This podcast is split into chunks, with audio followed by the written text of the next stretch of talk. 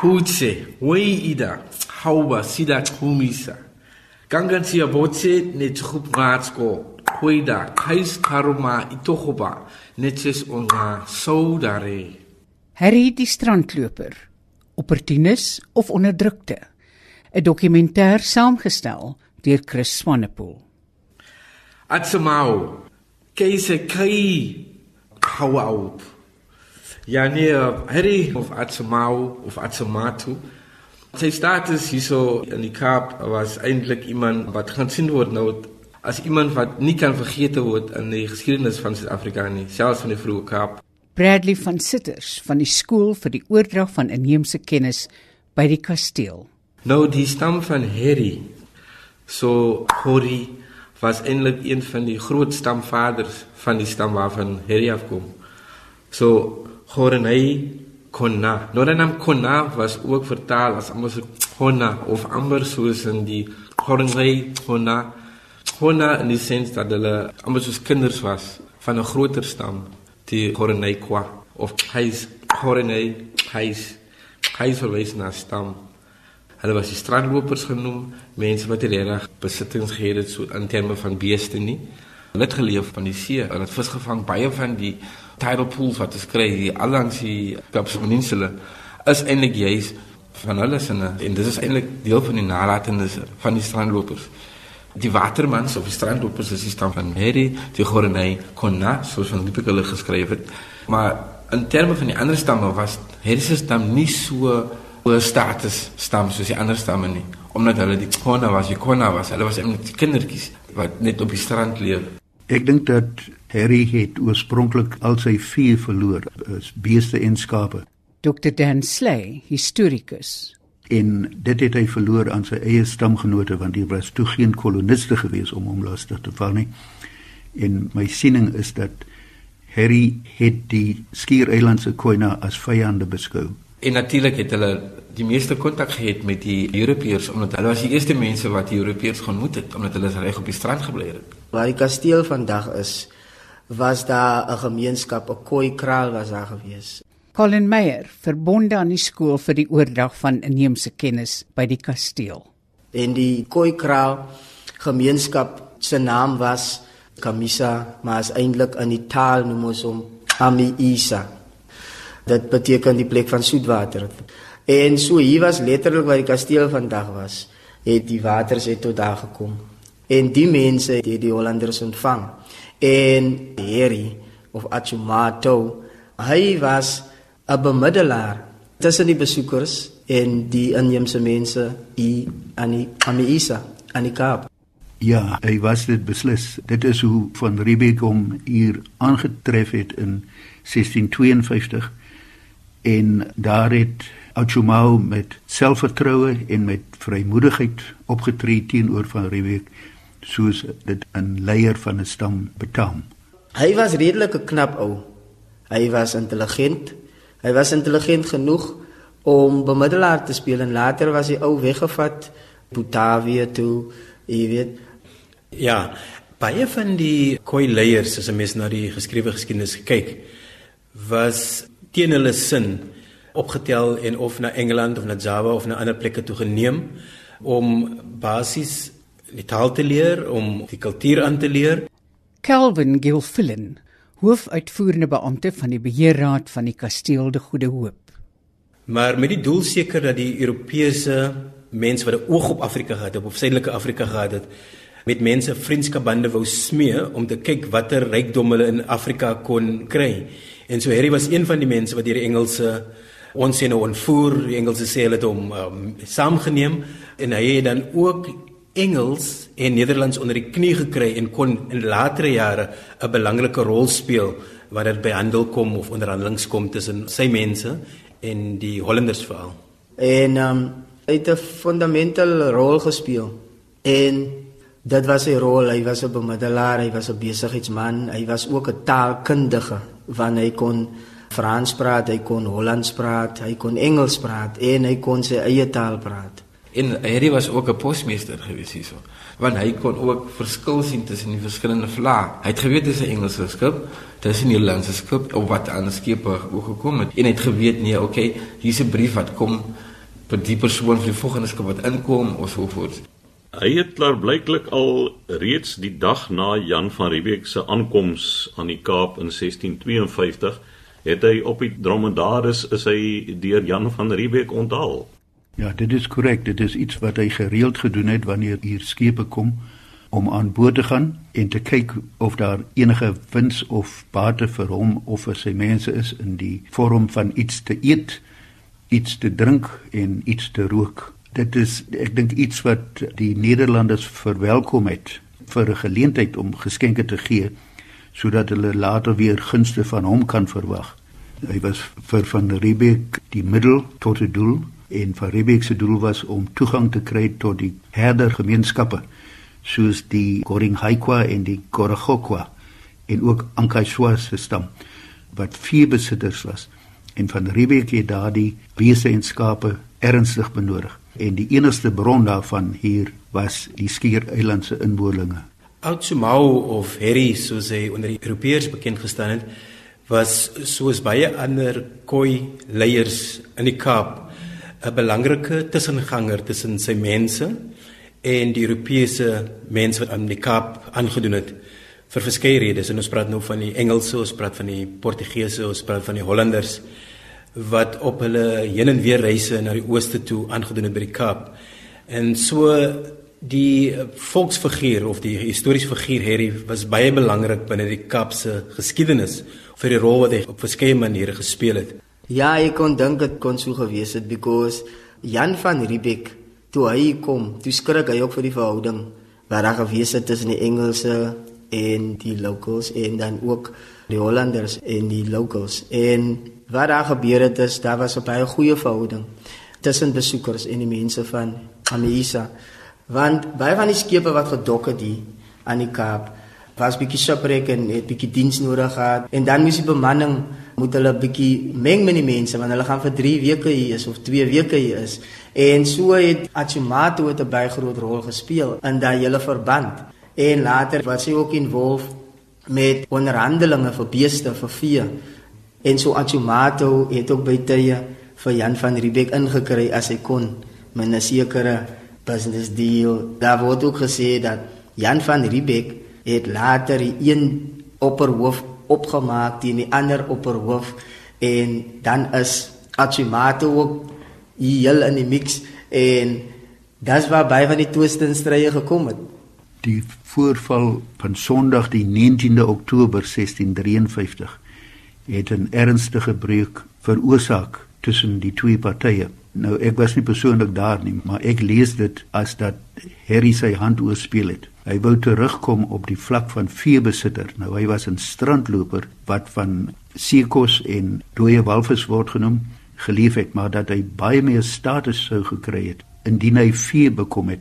Nou deur daardie aanval op die vee op die 19de Oktober het hy op een dag deur drie oorgange gegaan van hy was 'n jagter-versamelaar en nou word hy deur die daad van diefstal word hy sonkwa want sonkwa is die diewe die rowers maar teen sononder was hy 'n veebesitter 'n uh, egte koina 'n stamkaptein met 'n goeie voorraad van skape en beeste. So dit is waar dink ek hoe hy sy eie voordeel gesien het en sou waarskynlik ook gedink het dat hy 'n ernstige slag aan van Riebeeck en van Riebeeck se sending om 'n maritieme diensstasie hier te stig gebring het. Want sonder vee sonder skape en beeste was van Riebeeck nou omtrent net so hulpeloos soos Achumau was toe hy 'n strandloper was let daarop ook dat dit het gebeur die dag net nadat van Riebeeck se vrou haar eerste kind hier aan die Kaap gebore is.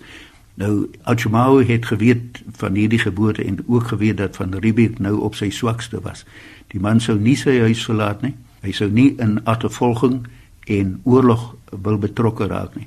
Hy moes kalm bly en hy moes rustig bly en dit sou vir Achumau die geleentheid gee om weg te kom, wat hy ook wel deeglik behaal het. Volgens Dr Anna Beseken het hy klaarblyklik ook gewag totdat Willem Weiland met sy Sondag erediens besig was. Ja, juist, dit is nog 'n deel van sy goeie beplanning dat hy geweet het dat kerkdiens is verpligtend. Enige Hollander wat wegbly uit die kerkdiens sonder 'n goeie rede word beboet en die wat dit herhaaldelik doen word swaar gestraf. En Outjamau het die geleentheid van die kerkdiens op daardie Sondag gebruik om sy diefstal te pleeg. Ja, en toe daag hy hier by die fort op en hy vra om Doodletters, ja. Ja, en Jan van Riebeeck laat hom toe. Doodletters. Dis een van die goed of die geskiedenisboeke laat gedeeltes uit en dat ons spring van een episode tot die ander dat mense die aanloop sien nie of hy is net bloot baie astrand en ek dink dit het te doen met sy status binne die stam en so voorts maar ek dink dat hy doodletters nie net die eerste keer nie, vir vele kere wat daar goed gebeur het vee raak weg of iemand het vermoor. Hy kom die tronk af en dood letters klop aan die deur en meld hom aan asof van niks gebeur het nie. Ek dink dat van Riebeeck het baie diplomaties opgetree deur nie aan straf of aan wraak teenoor Ochumau op te tree nie. Hy het net kalm voortgegaan asof daar niks gebeur het nie. Maar natuurlik het hy 'n baie strenger oog oor Ochumau gehou. Dit het tot van Riebeeck se voordeel gestrek op die lange duur dat hy nie wraak of straf teenoor Ochumau gedoen het nie. Ja, want daar was eintlik baie van hom in die ronde nie man, met sy potensiaal en sy gawes en wat hy geleer het. Die. So dit was 'n kwessie van Jan het hom meer nodig gehad as wat hy Jan nodig gehad het. En ek dink by tye het Jan gehoop dit was hierdie geval nie man. maar dit het natuurlik nie vir Harry daarvan weerhou om voort te gaan met sy streke nie want kort na sy terugkeer in 1655 het hy weer sy streke uitgehaal op 'n ekspedisie na die binneland. Daardie keer as ek dit korrek onthou, het hy met korporaal Miller saamgegaan en 6 of 8 manskappe en hulle sou gaan vier ruil in die binneland en daarvoor het hulle die gewone ruilgoedjies, waardelose ruilgoed saamgeneem en 'n paar dae in die ekspedisie het Harry vir hom gesê hy sal nou alleen verder gaan met die ruilgoed. Hy sal self die ruil waarneem.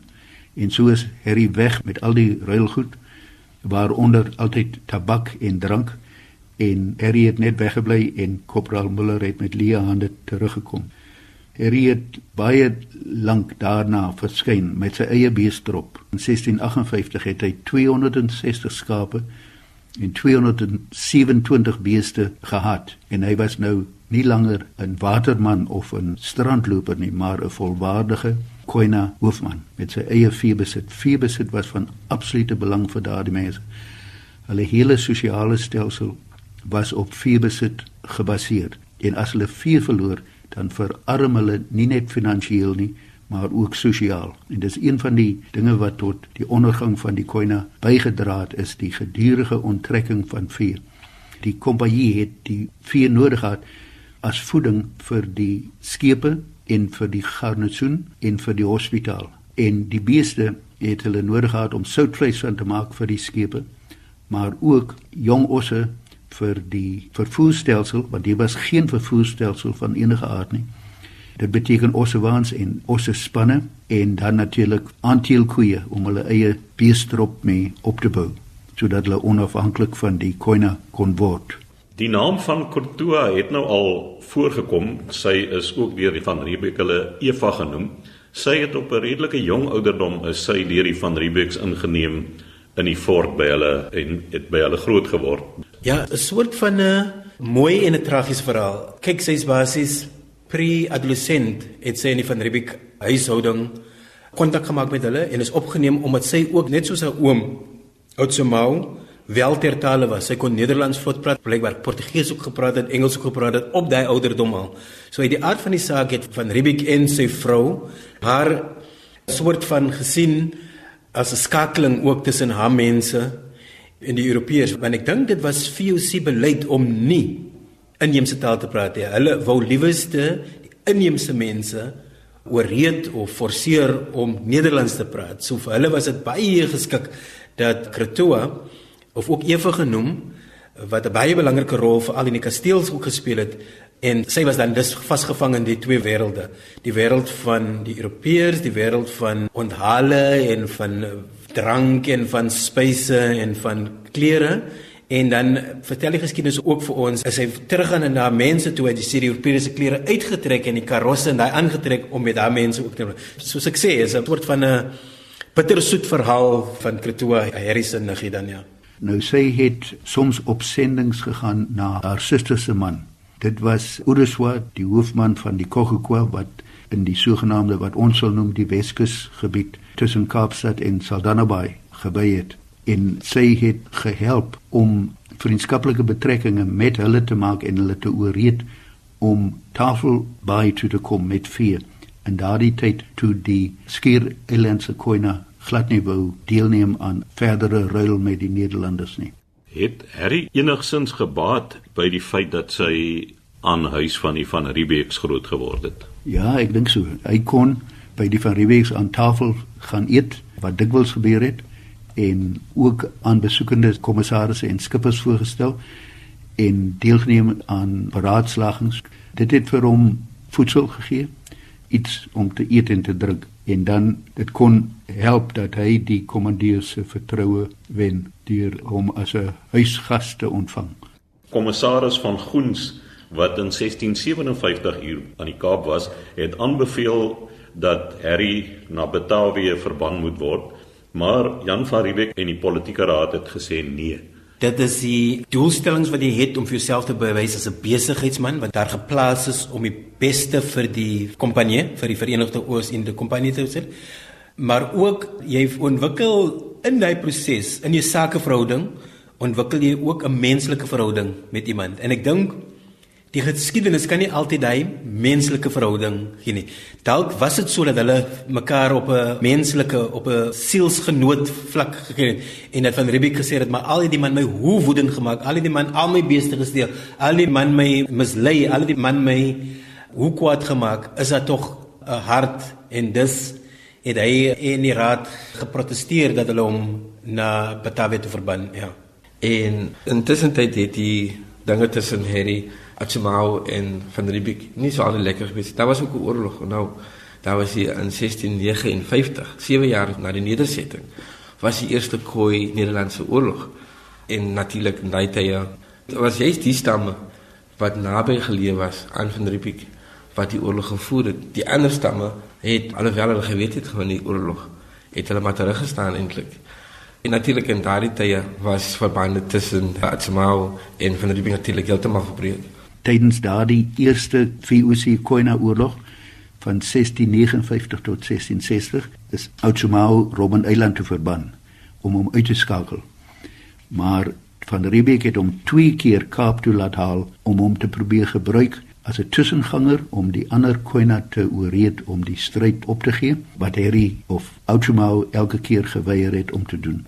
Dit is so, maar ek onthou eintlik meer dat hy van eerste mense was wat op Robben Eiland aangehou was, tronk toe gegaan het op Robben Eiland. Dit onderstreep die belangrike verbintenis tussen Robben Eiland, die vasteland en ook die fort en die kasteel met Robben Eiland, sodat 'n mens later as ons kyk na hoe ons die geskiedenis wil rekonstrueer, gaan kyk wat Harry se rol, wat Kratoa se rol, want sy was ook 'n tyd op die eiland gewees en hoe die verskillende interaksies die vriendelike en die nie so vriendelike interaksies tussen die eiland en die vasteland gebeur het en dan daai twee karakters se rolle daarin. Dit blyk dat Jan van Riebeeck opdrag gegee het dat Harry op Robben Eiland nie harde, swaar arbeid moes verrig nie vanweë sy ouderdom en slegs gebruik word om skape op te pas. Ja, nou dit is weer eens 'n diplomatisiese optrede om op goeie terme met Oudtshoorn te bly.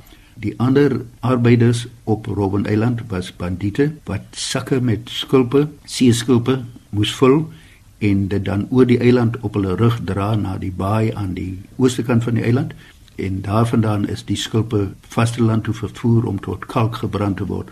Maar Harry of Oudtshoorn is daardie werk gespaar en van Riebeeck het ek dink dit beoog om sy vriendskap daarmee te wen. Die verhaal van Harry is amper soos die ou liedjie Die kat kom weer want hy is in Julie 1658 na Robben Eiland geneem. Ja.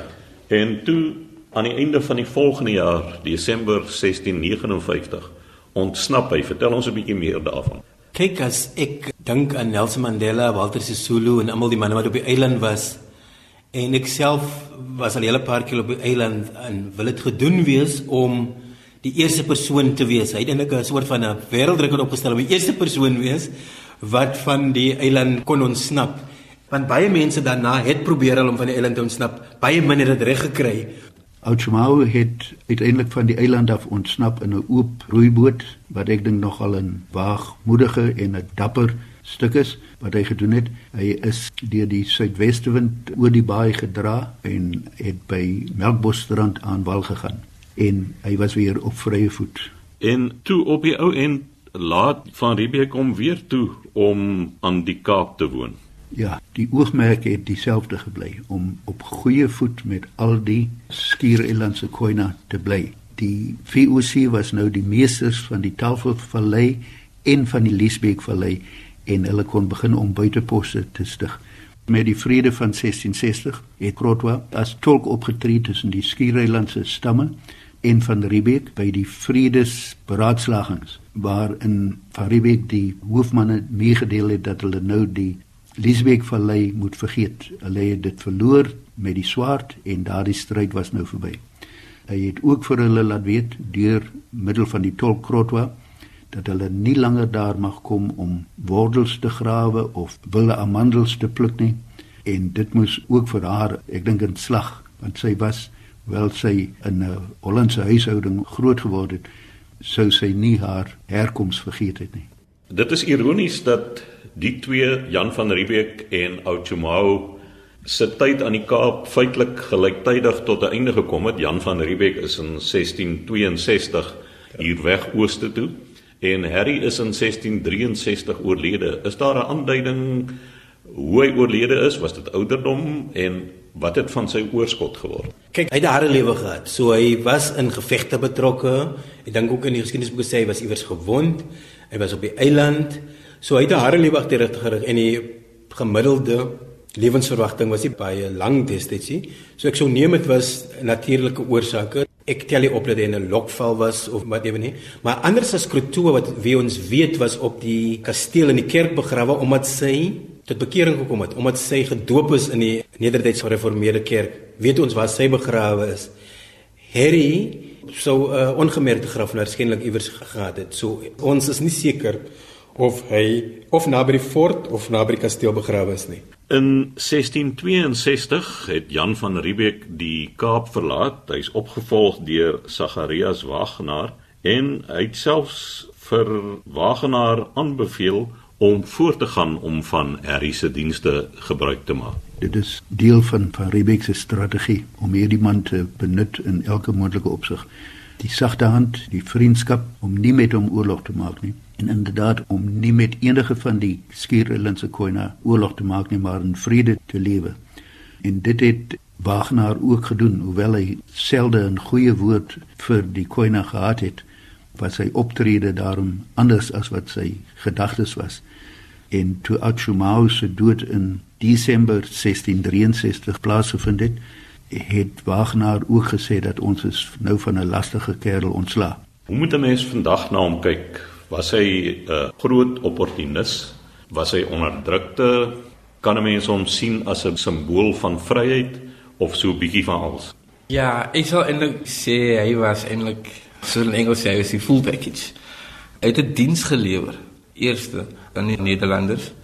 Hy het Europese tale geken. En hoekom sou hy nie vir hom in die proses ook 'n wins kon gemaak het nie? En selfs hulle stam So natuurlik net was aan die een kant definitief was vryheidsvegter. Hy het ook sy oortuiging gebruik om te sê maar luister, dit's nie in die beste voordeel vir die inboorlinge om seker goede te sê nie. Hy was eintlik baie voor vir sy tyd ook omdat hy klaar die belangrikheid van taal gesien het. Hy het al klaar die visie gehad om te sê maar luister, ons sal baie meer kontak saam die mense hê en hy het nou die kans gesien en die tyd om die taal te leer. So hy het 'n groot taak verrig vir die Europeërs en ook vir die goeie mense 'n leier as 'n kaup. So ons moet eintlik praat van kaup atsmau. Daar is 'n mate van opportunisme wat aangevuur is deur 'n materialisme.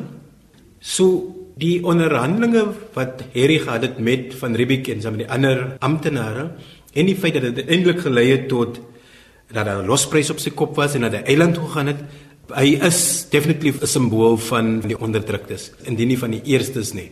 Ek persoonlik sien vir Achumau as 'n ondernemende gees, 'n linguis, 'n diplomaat, maar ook 'n manipuleerder wat sy eie doel voor oë gehad het. Tog was hy in belang van die skiereilandse koina, dink ek was hy 'n egte kampvegter geweest. Definitief nie as 'n opportunis nie. Ek dink in kontras, ek dink Jan was 'n opportunis. Dis wat ek dink, want ek meen Jan was die besoeker en dit was Harry se huis, jy weet. en ek dink as ek ook maar kyk in die gemeenskap man, die nasate van Harry, en die nasate van Kretowa en die mense in Domaan. En daar's baie ander wat nie genoem word in akademiese geskiedenis nie. Hulle het die storie nodig van hoe Kwai 'n soort van 'n hero Achumato was. Hoeveel pyn Kretowa kon gevat het op so 'n jong ouderdom. En Harry vir my Achumato is in my oë is hy ice cool. In my oë is hy 'n hero, in my oë is 'n wow karakter. Dis 'n simbool van onderdrukking en vryheid ook. Ja, ek sal die twee saamgooi, want die ou was onderdruk. Ons is nou nog onderdruk. Maar dit is ook 'n simbool van hoop en is 'n simbool van vryheid. Dit was Harry die strandloper, opportunis of onderdrukte. 'n Dokumentêr saamgestel deur Chris Swanepoel.